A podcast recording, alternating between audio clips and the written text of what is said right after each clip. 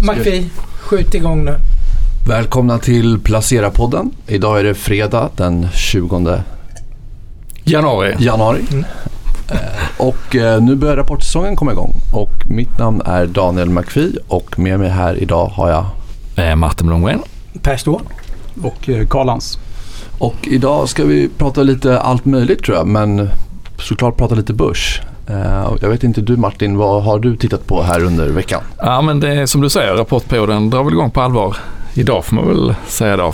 På, den svenska börsen i alla fall med eh, trion Avanza, Sandvik och Ericsson som har hunnit komma på morgonen här. Jag var din Ja. reflektion. Vi hade ju knappt hälsat på morgonen för du satt med satt hörlurar och på och mös med skrev. Sandvik-rapporten. Ja, Ja. precis. Ja, men de kommer ju tidigt, tidigt morse och har snart telefonkonferens. Så att, eh, om ni hör att jag tystnar så är det för att jag har smugit iväg här. Nej, men, kort kan man väl säga om de här tre som har kommit. Två bättre och en sämre. Eh, Avanza var 10% bättre på rörelseresultatet. Räntenettot som drar upp courtageintäkterna ner eh, från provisioner som väntat. Inte så mycket mer att säga om det väl. Ericsson, sämre än väntat. De hade ju redan i december liksom flaggat för att 2023 blir tufft och att man ska titta på 2024. Och kanske man skulle se då som en signal om att det inte såg speciellt bra ut. Så att den rapporten var sämre än väntat. Och, um, det ser ut som att de flaggar för att Q1 blir ganska svagt också. Och ja, det var egentligen bara att titta på vem som är deras kunder. Teleoperatörerna har ju det rätt tufft, stora besparingsprogram och energikostnader som, som drar ner. Så att eh, de fick ju en ordentlig smäll på börsen här. Och så Sandvik då, första verkstadsbolaget. Första cykliska stora bolaget ut. Det är som- lite kanariefågeln i gruvan eller? Ja, det kan man väl delvis säga att det är. De ger inte så mycket guidning framåt jämfört med en del andra verkstadsbolag. Däremot så ger de ju då en indikation på hur det ser ut fram till nu. Och eftersom deras eh, verktygsverksamhet väldigt noga följer hur kundernas produktion ser ut så får man en, en väldigt bra ögonblicksbild. Och eh, det kan man väl sammanfatta med att det ser stabilt ut. Det var lite bättre än väntat på omsättning, orderingång, resultat. De berättar då hur det ser ut första två veckorna på året här och det är också stabilt. Så att egentligen lite samma upprepning av bilden vi såg förra året. Att man var lite orolig inför rapporterna och sen så när de väl kommer så äh, de känner inte av den här nedgången. Även om det, det bromsar in. Det planar ut snarare än att det fortsätter växa. Men, men det ser, de, de ser inte någon ordentlig nedgång än så länge i alla fall. Är det någonting vi ser som ser lite svagare ut här inför nyåret? Ja, Eller? på tal om nyår då. Kinesiska nyåret kommer nu och Ja. Kina är väl det som, som sticker ut som negativt i Q4. Men det är kanske inte heller så konstigt med tanke på lockdowns och stor smittspridning i slutet på förra kvartalet. Däremot så pekar de på att flyg går bra, energi bra, fordon också faktiskt bra eh, produktionstakt. Eh, och viktigt då att de har lyckats kompensera kostnadsinflationen fullt ut med prishöjningar, säger de själva nu då. Eh, Så att ingen, ingen negativ effekt längre av den här kostnadsinflationen. Och aktien upp va? Och aktien upp ett par procent ja. Då var den ner ett par procent igår men tittar man alltså tre månader tillbaka så har den ju gått 40-45 procent så att det har varit en otrolig uppgång både på Sandvik och andra cykliska inför det här. Så att, att de lyckas eh, stiga på den tycker jag ändå är ett, ett lite ska man säga, positivt tolkningsföreträde. Så att ja, viktigt att den var stabil. Ericsson är ju Ericsson, de, jag vet inte vad de säger om så, om så många andra sektorer men en försiktigt positiv start på rapportperioden i alla fall. Jag, jag tänkte bara kommentera Ericsson. Det Ja. känns, vi har ju varit med så länge nu när det var superhypat. Är, är det inte alltid att du ska titta ett år framåt där? Är inte det alltid budskapet med Jo, det Jag verkar känner ju vara att så. det- Alltså, det är ju, måste vara en mardröm att vara Ericsson-analytiker. Alltså, det kommer alltid eh, konstiga grejer. Nu redan inför den här rapporten, bara i år, har det kommit två stora engångsposter. Den här amerikanska uppgörelsen och eh, så har det väl ett besparingsprogram inom deras molndel. Så att det är alltid mycket stök runt Ericsson och den underliggande marknaden är ganska svår att följa. Det, Det, det börjar bli lite som SAS liksom. Ja, det borde ju vara en kanonmarknad kan man tycka med 5G och digitalisering men det är uppenbarligen tufft. Och det är till deras fördel kan man väl säga, det är inte så många som står kvar om man, som du är inne på där, att det har varit eh, tufft länge. Om man går tillbaka till telekomens, teleko, eh, mobiltelefonens eh, grundande, om man ska säga på 80-90-talet, av, de här stora, det är inte så många som är kvar. Det är Nokia och de och de andra har ju dukat under så att det är en tuff, eh, tuff marknad om man drar ut det i ett längre perspektiv. Jag reflekterar på en annan sak när du pratar nu. Det är lite de här tematiska strukturella trenderna. Du pratar 5G, alla pratar 5G. Att det, Ja. liksom, det gör jättemycket för automatisering och allting. eh, man ser det lite farligt att handla tematiskt och bara göra en så här tematisk portfölj. Ja. För då får du med Ericsson och lite Mm. operatörer sannolikt. Som då inte haft någon bra kursutveckling fast de är i ett strukturellt eh, en kontext då som ser väldigt bra ut. Att det, det, det Ja, det är om bra att- poäng. Det är inte alltid den vinnar, givna vinnaren på en stor trend. Det kan ju vara någon längre ner i ledet eller någon som är konsult till de här till exempel eller eh, underleverantör. Så att, eh, ja, bra poäng. Man ska man får bena ut vilka som är vinnare på riktigt och vilka som bara är, är det liksom i kanske att de får flöden från aktiemarknaden under en period. Men, eh, och Ericsson-aktien ner ordentligt, de andra två upp. De här tre. Så att, eh, ja, då är det igång. Jag tänkte bara ta en annan spaning nu. För du är inne på det. Du nämnde det. Kinesiskt nyår. Det är Kaninens år eller? Det är Haren, eller nog kaninens år. Men det här kommer att göra... De, vi har ju varit inlåsta mer eller mindre i tre år. Eller kineserna har varit det mer eller mindre. Det kommer bli det största res, restillfället någonsin nu Mm. sägs det. För att alla kineser ska resa och träffa släktingar. Och vad tänker ni på då? Vad kommer vi se i februari? Alltså vi kommer sannolikt se världens största covid-utbrott nu då när Ja. folk ska börja... Jag tror inte Börja marknaden... umgås igen. Ja, vi ska Mm. börja umgås. Det kommer vara det är otroligt in, intensiv eh, transport. Eh, väl aldrig transporterat så mycket människor som det görs just nu. nu. Men också lite lyxproduktsinköp. Jo, lite lyxprodukt. Jag tror att det kommer bli lite, men jag tror det kan skrämma Mm. marknaden liksom så här momentant på kort sikt där när vi kanske kommer att få se så här Ja. galet stora siffror då på hur smittspridningen är. Men då är det inga lockdowns utan då är det att människor helt enkelt är hemma sjuka. Ja, de blir väl sjuka. Får vi Ja. se hur Så det belastar. liksom direkt sämre Mm. det. Men det tror jag man ska ha i bakhuvudet. Ja. Långsiktigt är det ju bra att det öppnar upp men kortsiktigt det är ju lite två steg framåt blir det Ja. lätt tillbaka då. Men det ska Mm. man nog ha i bakhuvudet på. Man får väl hoppas att många har hunnit gå igenom infektionen här nu då i november, december så att de kan resa fritt. Apropå det med uh, resande och sådär. Jag tittade på de eh, tio bästa aktierna hittills så på S&P 500. Och sju av de tio aktierna är ju reseaktier faktiskt. Mm. Så att eh, även amerikanerna och de här bolagen är ju sig globala också. Men det är ju, jag tror att fyra av dem har flygbolag. Och sen är det då kryssningsbolagen liksom. Som är de bästa aktierna hittills i år. Mm. Men det är väl lite på den här Kina återöppningstemat Ja, på den som man har handlat om på. Ja. Mm. Och en del omvända vinstvarningar väl i flyg, bland Flyg, flygbolagen också. flygsektorn går ju otroligt starkt och det Ja. gör den ju även i Europa då. Där har vi haft Lufthansa av två omvända vinstvarningar också. Mm. Eh, och börjat eh, flyga med uh, superjumben igen. Som de hade skrotat faktiskt. Ja, jag såg A3, så att den tas i drift igen här. Den är inte död. A380. Förmodligen. Ryktet om dess död är överdrivet. Ja. Det låter i alla fall som att vi kan eh, summera det du säger Martin här så att det ser ganska stabilt ut in i nästa år hittills i alla fall. Hittills ja, efter tre veckor och tre rapporter ska man väl ha. säga. Men, men när amerikanska bankrapporterna kommit, de var väl också fler som var bra än dåligt Mm. och Netflix har hunnit komma. Det var ju bra eh, tillväxt var det ju. Bra tillväxt precis och lite sämre resultat. Men, Ja, men aktien var upp i efterhand om jag inte så fel. Så att Det var uppe 7 procent. det finns väl inget som har, även om det var ner på börsen igår så ska man kanske inte dra ut den linjen. Precis som man inte ska dra ut den här otroligt starka inledningen heller. Men lite, det är ju klart positivare känsla ändå. Får vi se hur länge det håller. Eller vad känner ni? Är det, Ja, ja. definitivt. Jag, jag tror att den är lite för stark. Men det blir nog hack såklart. Några, alla rapporter kommer inte vara bra. Eh, Kina kommer nog att skrämma lite med covidutbrott och lite sådär kan man tänka sig Mm. närmaste tiden. Och kostnads, eh, alltså kostnadssituationen i många bolag kommer inte se ut som det gjorde hos Sandvik. Att de kommer säga att ah, men nu har vi höjt priserna och kunnat kompensera fullt ut. Utan det kommer i många fall där man inte kan höja priserna eller man inte har den bredden så att man kan hantera det på ett bra sätt. Eh, Nobia kommer med någon vinstvarning här på morgonen så rejält eh, lägre resultat. Som ju säljer massa kök, eller de säljer inte en massa kök längre men de säljer, kök. de säljer kök och framförallt i Storbritannien. Så att, eh, jag tror bland de små och mellanstora bolagen kommer vi se en ganska annorlunda bild här under kommande veckor. Så att där kommer vi nog eh, Det är, väl klass, det är väl klassikern att eh, de storbolagen kan liksom eh, höja priserna i takt med inflationen. Ja, Medan småbolagen eh, har svårare helt enkelt. både höja priserna och kanske stuva om i sin egen verksamhet lite, lite enklare. Att man kan flytta produktion eller dra ner på ett ställe och växla upp på ett annat ställe. Har man bara ett fåtal produktionsställen eller ett fåtal eh, underleverantörer så kanske inte man har riktigt samma flexibilitet heller att att förändra där det behövs, anpassa sig. Nej, jag blir i alla fall lite glad när du berättar om att eh, konjunkturen ser relativt okej ut. För jag har tittat på faktiskt Bufab i veckan. Just det, underleverantör till eh, ja, Flera sektorer stora. egentligen men bland annat fordonsindustrin. Då. Eh, men de har ju kunder som Scania och, men även Ikea till exempel.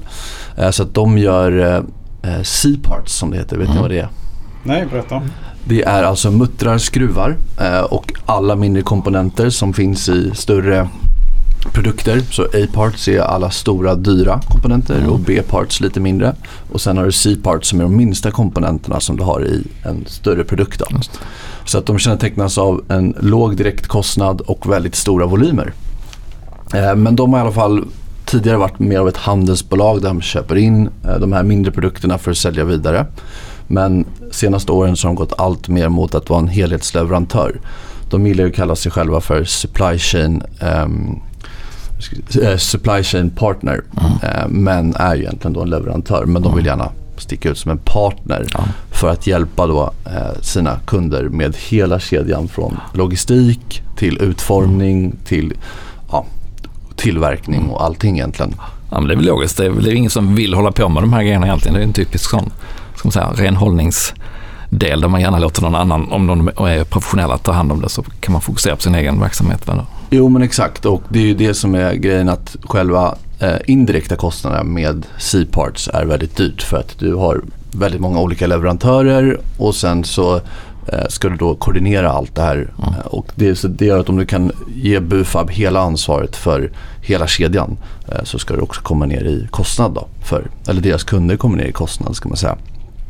Men eh, så att de har gått väldigt bra nu efter corona. Eh, just för att det har blivit- ännu mer känsligt med logistikkedjorna och det blir en ännu mer viktig faktor. Och man ser trenden att allt fler bolag lägger ut hela C-partshanteringen på eh, sådana aktörer som Bufab. Och de har till och med 165, 165 000 olika delar i sitt sortiment. Så att ni kan ju förstå hur mycket volym vi pratar om. Många muttrar blir det. Ja, och det finns ju såklart en konjunkturkänslighet. Vi är lite inne på det sen tidigare där. Eh, Men eh, de har haft en bra historik av att tjäna eh, bra med pengar och att det över tid faktiskt har växt vinsten väldigt bra. Så att värderingen är inte sådär skrämmande hög. Den är på P16 men de har också växt via förvärv som är relativt högt skuldsatta. Eh, vilket gör att EV-EBIT hamnar, eh, EV-EBITA hamnar på 13 för nästa år. Vilket inte är billigt men eh, inte superdyrt heller. Du, när jag tänker på Bufab så tänker jag framförallt på att eh, de har en väldigt bra ägarsituation. Ja, det stämmer också. Eh, De har, eller 30% av bolaget ägs av Liljedahl Group som är en privat aktör kan man säga. Mm. Ett familjebolag som investerar. De har mm, flera olika investeringar, inte på börsen då.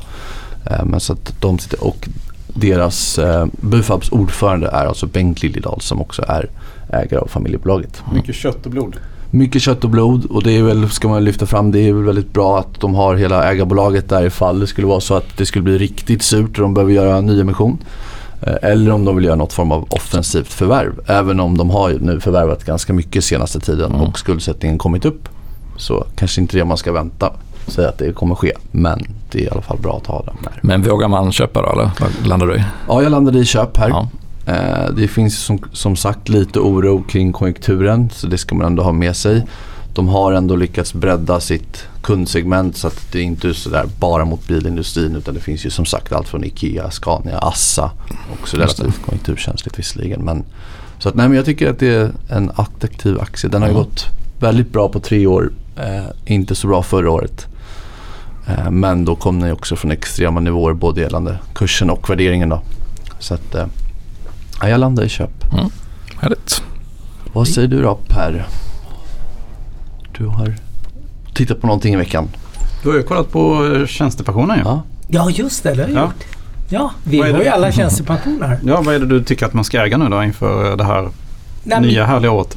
Jag tror ju ganska mycket på småbolag. Mm. Det blir lite revansch. Mm, Det var mm. tufft för småbolag. eh, Särskilt absolut i, på Stockholmsbörsen minns vi ju om inte annat. Men även globalt är, det, är de på ganska låga nivåer. Värderingarna alltså det är rabatt emot storbolagen. Vilket inte brukar vara. Så där har jag lagt lite pengar, både på Stockholmsbörsen såklart som den var lite hårt I ansatt. småbolagsfonder då? Jag har tagit en indexfond där Ja, faktiskt. indexfond. Mm. Eh, sen har jag en global eh, småbolagsfond, eller tillväxtmarknads småbolagsfond. Swedbank Robur. Mm. Eh, också, så det är lite småbolagsfokus. Är det något tillväxt eller värde eller det hela den Eh, diskussionen vi haft tidigare att det i- borde bli ett värdeår även i år?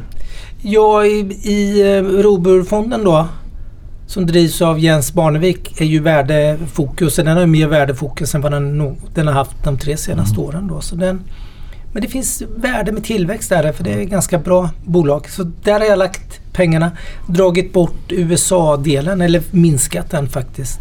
Det får vi se då. Och det, men det är ju ett litet svårt spel för tror man att dollarn ska försvagas så brukar ju faktiskt eh, techbolagen gå bra. De var ju liksom... Det är ju, de, liksom, de var ju först ut att klaga på den starka dollarn om vi minns det i, i fjol. Då. Det var ju det var Salesforce, det var Microsoft, det var de här jättestora... De är så globala så att för dem känns det ju omvänt då mot våra Ja. svenska Och exportbolag. dollarn verkar väl ha toppat i början på november va? Ja, sannolikt då. Så jag vet inte. USA-spelet är svårt att Mm. göra. Jag valde ändå att dra ner lite exponeringen där då. Gick över mer mot tillväxtmarknaderna. Vi får väl se när vi Mm. får facit om ett år då. Men annars månadsspara, spara på. Jag, vad jag blev lite sådär överraskad när jag gjorde, jag skrev om det i 7 mars i fjol. Så det är knappt ett år sedan då. Det var att eh, saker och ting var inte ner så mycket. Alltså på ett rullande då 11 månader lite drygt eller knappt ett år då. Mm. Globalindex var ner Eh, jag tror det var ner 3% och Stockholmsbörsen var ner 7-8 liksom. Så det är inte de här... Man har ju lätt att ha de här katastrof... Hur det såg ut kanske i midsommar. Sto- Mm. Stockholmsbörsen var ner 25-30% och fastighetssektorn var ner närmare 50% och sånt. Det- sitter ju gärna kvar i, i, i bakhuvudet. Jag märkte hur lätt det att göra den där fällan själv. Det blir lite som en en fälla när man tänker på någonting. Sen inser man att ja, men det har ju varit extremt turbulent år. Det var ju precis innan, Mm. innan eh, den här konflikten bröt ut som jag gjorde senaste förändringarna. Och det inkluderat och alla de här räntehöjningarna, den här inflation, det, det har varit extremt mycket oro. Ja, det får man säga. Och jag tror fondportföljen var ner mm, knappt fyra, runt 4 då på, på 11,5 månader. Jag menar det det kändes som den skulle vara kanske en 24 procent ner eller 14 minst eller något sånt där. Så det överraskade mig lite när man ser saker i perspektiv. Och det är lätt att se saker eller avkastning kalenderårsmässigt. Vi är duktiga på att lägga det så men skjuter bara lite, några grader då. Mm. Tar bort någon månad och lägger till någon månad och ändrar det här kalenderåret då så att det blir eh, så kan det bli en helt annan avkastning. Om du följer Maya-kalendern istället kanske? Ja. Eller kinesiska. Eller den kinesiska kanske. Det var väl den jag följt ungefär då. Ja, känns det ju som. Ja. Lite omedvetet. Men jag har en annan spaning eh, som folk har börjat skriva lite om som jag hörde förra veckan när jag var på seminarium. Jag lyssnade på amerikansk egyptisk Egyptien. Han är väl amerikan egentligen men egyptisk bakgrund. Mohammad El Erian. Som var chefsekonom och tidigare VD på Pimco då, världens största obligationsförvaltare. Det är han som alltid verkar vara så bekymrad. Liksom. Han är alltid lite bekymrad. Han är, nu är han eh, rådgivare åt Allianz då. Den här stora tyska försäkringsbolaget som köpte Pimco. Eh, men han, han, han sågade Fed och eh, centralbanken och lite eh, med, med knölarna. Men han hade en intressant spaning faktiskt som jag tagit därifrån. Det är ju nu när man har gjort policyförändringen då. Japanska centralbanken gjorde i mellandagarna. Kommer ni ihåg att de höjde intervallet för 10 års räntan? Eh, man gjorde den när marknaden, den, är ju, den har ju varit mer eller mindre stendöd. Men den var extra stendöd för att det var mellandagar och så. då. Och det finns eh, ökade volatiliteten osäkerhet ganska mycket. Nu hade man ett möte i veckan där man inte ändrade. Det finns förväntningar att man kommer ändra det ytterligare. Men det här kommer att sätta, kan sätta jättestora eh, finansiella flöden i svallvågor. För japanerna har extremt mycket de har extremt mycket amerikanska obligationer. De har väldigt, väldigt mycket utländska aktier och sånt. Att man då skulle få hem dem till, eh, att man tar hem dem till Japan då av flera anledningar. Dels för att den amerikanska dollarn är extremt högt värderad. Japanska yenen sitter i lite samma situation som kronan att den är, anses vara väldigt undervärderad. Och att man tar hem det för nu kan man börja få avkastning på en japansk tioåring. Eh, Vilket då skulle kunna öka volatiliteten betydligt. Det, det skulle kunna bli hela havet stormar lite när man ska göra de här stora eh, kanske förändringarna då. Så där kan man ha kanske lite bakhuvudet då som Intressant. inte, inte en svart svan men att det Mm. på något sätt då skulle kunna skapa mycket volat, liksom, Suga ut pengar från andra Ja, marknader. det på suger ut från vissa marknader och det blir som vanligt, det vet vi, det är de mest likvida aktierna Mm. sannolikt. Det, är de, det kommer bli de här stora drakarna, Microsoft, Apple. Man kommer inte förstå varför Mm. de faller ganska mycket en viss dag och så vidare. Då. Så där kan, ju, det, där kan man hålla ett litet finger Ja. på. Då får Japan pengar igen kan man säga. Ja, men det låter som att det kan vara rätt stora rotationer i de där flödena. Ja, det kan sätta igång en, en, eh, massor med följdeffekter och sånt. Och det är svårt att förstå som vanligt. Förstår man Mm. inte varför vissa papper eller räntor rör sig som de gör då. Nej. Men då vill man gärna ligga i väldigt bra affärsmodeller eller aktier som har väldigt bra affärsmodeller. Ja, det är klart man vill. Eh, Jag har ju kikat lite på en lista som eh, vår, eller inte vår, men, men som en bank som heter Morgan Stanley har gjort. De eh, gör en liten övning då vart, vart tredje år ungefär där de eh, plockar fram de bolagen som har, de tycker har eh, liksom stabilast affärsmodeller och bolag med lägst värdering också just nu Mm. förhållandevis då. Och då har de tagit- fram 38 eh, bolag de har fått fram här globalt. Och majoriteten är då amerikanska. Men de har faktiskt hittat ett svenskt bolag. Och kan ni gissa vilket det är? Ja, jag, såg, jag har läst den Ja, så jag ska den, vet inte, vilket det. Okej. ska inte spoila. Ja, men det är ju medicinteknikbolaget Getinge då, som tycker är attraktivt just Mm. nu. Eh, Och det är ju då för att eh, det är så pass eh, defensivt. Det är mycket sj- sjukhusprodukter då. Och samtidigt då värderingen eh, kommit ner mycket. Aktien är ner eh, drygt 30% på ett år då. Mm. Inte ett kalenderår då utan på ett Kinesisk kalender. Eh, Så att eh, den, den tycker de är köp. Eh, Ja. Men annars är det ju de här stora drakarna framförallt som de tycker är köp. Eh, Apple och Microsoft och eh, som är attraktiva. ASML gillar de. Mm. Jag såg att de gillade våra danska eh, Ørsted som kom rapport igår va? Just det. Novo. Nordisk också eller? Novo Nordisk Novo också. Nordisk. De två danska bolagen. Mm. De hade inte med LVMH faktiskt. Utan de hade valt L'Oreal istället. Mm, jag såg det. Ja. Det reflekterade jag lite på men L'Oreal är ju också fantastiskt. MSCI har de med såklart. Index. Microsoft har med. Sa jag kanske. Nike var med. Mm. Det gillar du ju. Ja. Wolters Kluwer är med. Ja, Ja. just det. Mm. Det det här. det eh, reagerar jag lite på. Holländska. Ja, just det. Affärsprogrambolaget. Mm. Som eh, ju har legat... Eh, eh, ja, det är väl lite som ett jättestort eh, Vitek kanske. Man kan säga. Ja. Mm. Som då har... Eh, eller aktien har väl legat still ett ganska bra tag här. Eh, men de har börjat göra lite återköp och sådär nu. Så ja. ja bli lite Men det är en kombination av affärsmodell och värdering då som de Exakt, liksom exakt. till. Mm. Och det är då, alla de här gångerna de har gjort den här övningen så har det alltid slagit då, eh, Mm. index. Så att säga. Okej, om man köper hela den portföljen Ja. så får man... Ja, intressant. Vad kommer du plocka från den då? Eh, jag funderar på Wolters Kluwer faktiskt. Ja, det är, Eh, det är lite också- den jag känner på. eh, Mm. Känner själv för. Men jag har inte köpt den ännu. Nej men annars är det väl att jag ska liksom försöka bottenfiska de här amerikanska drakarna. Om det nu botten är här någonstans kanske. Mm. Så att öka i dem. Är det väl. Och när du säger amerikanska drakarna då är det Microsoft, Apple och... Eh, precis, det är ju precis. Microsoft äger ju redan. Men, men Apple äger ju inte till exempel dem. Men eh, den har jag kanske försökt komma in i här då. Den här gången. Mm. Ferrari är med också ju. Såklart, Ja. det såg jag faktiskt. Och det var, jag var inte överraskad det Nej. minsta. Nej, man är ju nästan lite mer överraskad över att Getinge med faktiskt. Som enda svensk så är det ju lite överraskande. Ja, absolut. faktiskt. Ja, vad säger vi? Har vi gjort några egna affärer i veckan? Det har ju hänt ganska mycket på börsen. Mm, jag har faktiskt gjort lite som, som du där med småbolagen.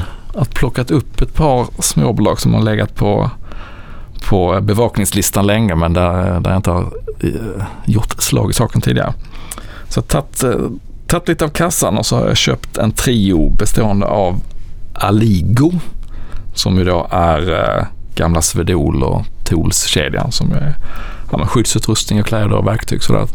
Kommer ju kanske ha lite tufft ett tag till men låg värdering och får de ihop den här sammanslagningen som de har gjort då så ser det ju ännu lägre ut. Det har inte hänt så mycket nytt egentligen. Den ligger väl och slår liksom längs botten sedan ett halvår tillbaka på börsen. Och, eh, men med tanke på att allt annat har börjat gå och lite som du är inne på där att småbolagen inte har gjort det än så, att, så tror jag det finns lite potential bara på att det kan värderas upp. Eh, och lite samma med Matas, danska skönhetsapotekskedjan kan man säga. De är jättestora i Danmark, helt dominerande bland Den har du skrivit om tidigare. Ja, jag har skrivit om Mm. några gånger. De, Mm. de eh, är ju riktigt lågt värderade nu och kom med en sån här trading update för fjärde kvartalet. Så man vet redan att det, det ser rätt okej ut och julhandeln var bra.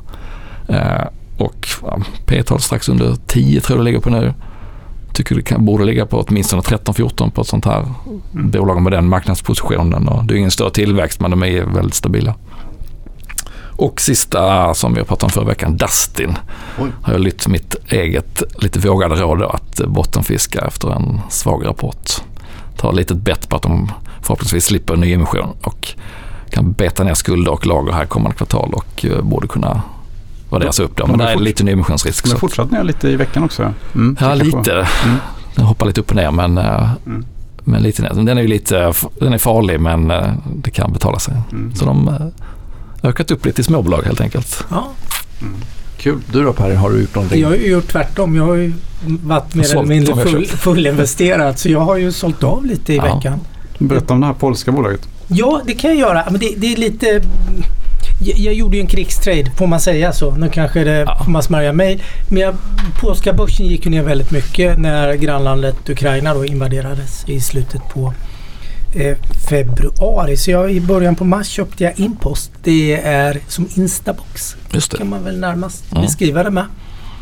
Eh, som är ett ganska stort polskt bolag. Handlas på Amsterdambörsen i euro. Så det köpte jag.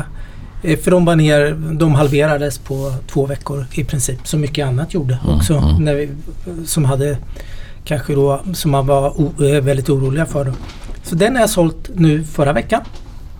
Så eh, jag har sålt hela innehavet får vi se. Så den traden kan vi stänga. Den Var ar- arbitragevinst också i valuta kanske. Ja, valutan var ju bra. Det var mycket som var bra i den. Swatien har stärkts eh, mot kronan. Eh, polska börsen då, för de som inte är så insatta, var ner ungefär 20% i lokalvaluta då. Som Stockholm ungefär. Impost var en av de få som höll sig plus Mm. minus noll under året då. Eller eh, kalenderårsmässigt då, men extremt. Den var väl upp 100% från lägsta nivån då i princip. Och sen har jag sålt ner lite i lyx. Ja. Jag har ägt Kering också. Det är de som har Bottega Veneta, Yves Saint Laurent och de har framförallt Gucci är deras stora. Eh, De har jag sålt ner i, eller sålt av. Mm. Jag har ägt dem LV och Hermes. Så nu har jag koncentrerat mig till LV och Hermes. För nu det var all time high rekord både på Hermes och eh, LV i veckan.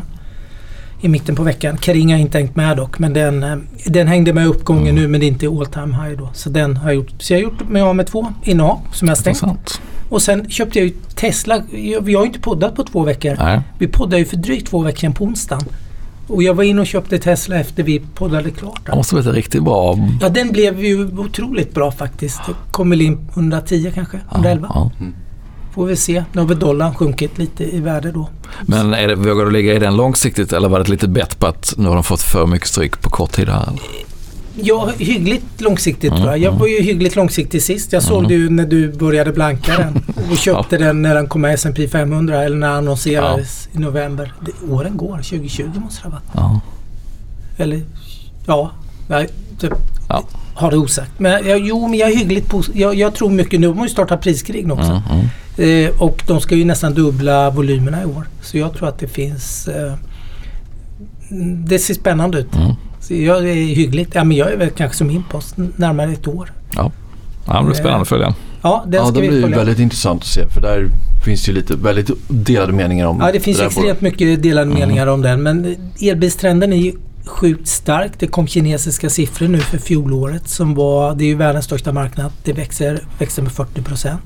Nu är ju mycket kinesiska biltillverkare Mm. jättestora där, elbilstillverkare då. Men eh, Tesla är en aktör där och nu har man fått igång de här nya fabrikerna i Austin och i, utanför Berlin. Berlin, ja just det. Så eh, jag tror att det kan... Eh, Mm. mm, det blir spännande att se. Men du räds inte av prissänkning att de skulle bli, få sämre vinst eller du tänker att försäljningen... Ja, ju, typ. man fyller, du har mycket kapacitet att Mm. fylla nu så det är... Är inte en del av det där också att priset ska hamna under den nivån så att man kan få eh, komp- stöd och kompensationer? Ja, Så att det finns nog en del brus i det där också som Ja, man Precis, och behöver vi ska säga. glömma bort USA är ju enorm bilmarknad. De är ju tredje störst bara på el. Alltså antal elbilar är ju, man tror att det är mycket större Mm. men de eh, är ju betydligt mindre än i både Kina då som är ledande och Mm. även Europa är mycket större då. Fast man kanske förknippar då Tesla att det är liksom de som satt elbilarna på kartan då. Och de har ju det här stora IRA-paketet eller den här Eh, man gör subventioner nu, gröna omställningen. Det är ju 7500 dollar som man inför nu igen som rabatt på Mm. en elbil. Och det, de når man upp nu med alla modellerna som jag förstår efter man har gjort de här prissänkningarna. Så vi får se. Mm. Spännande. Men Karl Lantz, du som är stora trader normalt. Ja, nej jag har eh, inte gjort något alls faktiskt. Jag ligger fortfarande och, och bidar här. Men jag noterade att uh, Altor var inne och köpte min gamla favor- danska favorit uh, FL Schmidt. Just det. eh, som jag har legat och harvat och den är ju ner på fem år liksom. Mm. Men eh, nu ser de uppenbarligen köpläge där. Mm. Det är ju underleverantör till gruvindustrin då. Så att eh, jag gissar att då det som Altor ser framför sig är väl att eh, vi kanske går in i en ny eh, fas. Supercykel. Supercykel för råvaror helt enkelt. Ja. Kanske liknande den vi hade mellan år 2000 och 2008. Då. De kom en bra... Kanske ännu större. Mm. Jag Med vet tanke inte på om den gröna omställningen. Jag vet inte om det var rapport eller om det var någon sån här trading update bara. Men de kom också med bra siffror i, igår måste det ha varit FL Smith. Ja, Där de pekar just på gruvsidan som var stark där. Nej, så att jag noterar att eh, det kanske är den sektorn man ska söka sig mot. Mm. Mm. Spännande. Ja, jag har gjort också lite tvärtom än Martin där. Mhm. Eh, inte alls samma sektor men jag har sålt ner lite sus. Börsen gick ju rätt bra där i torsdags var det va? Mm. Eh, igår. Eh, och då kände jag att nej men nu tar jag, hem lite, tar jag in lite kassa till då. Så att, eh, men annars egentligen ingenting. Vad säger ni? Ska vi eh, ta helg kanske? Ja. Definitivt. Ja, Och önska gott nytt kaninår eller? Ja. Just det, det ska vi göra. Får vi Vi se ska nu. sk- skutta runt här på redaktionen. Och se om eh, den här co- coviden skuttar runt Ja. också nu då. Men det är trevlig helg. Trevlig helg. helg.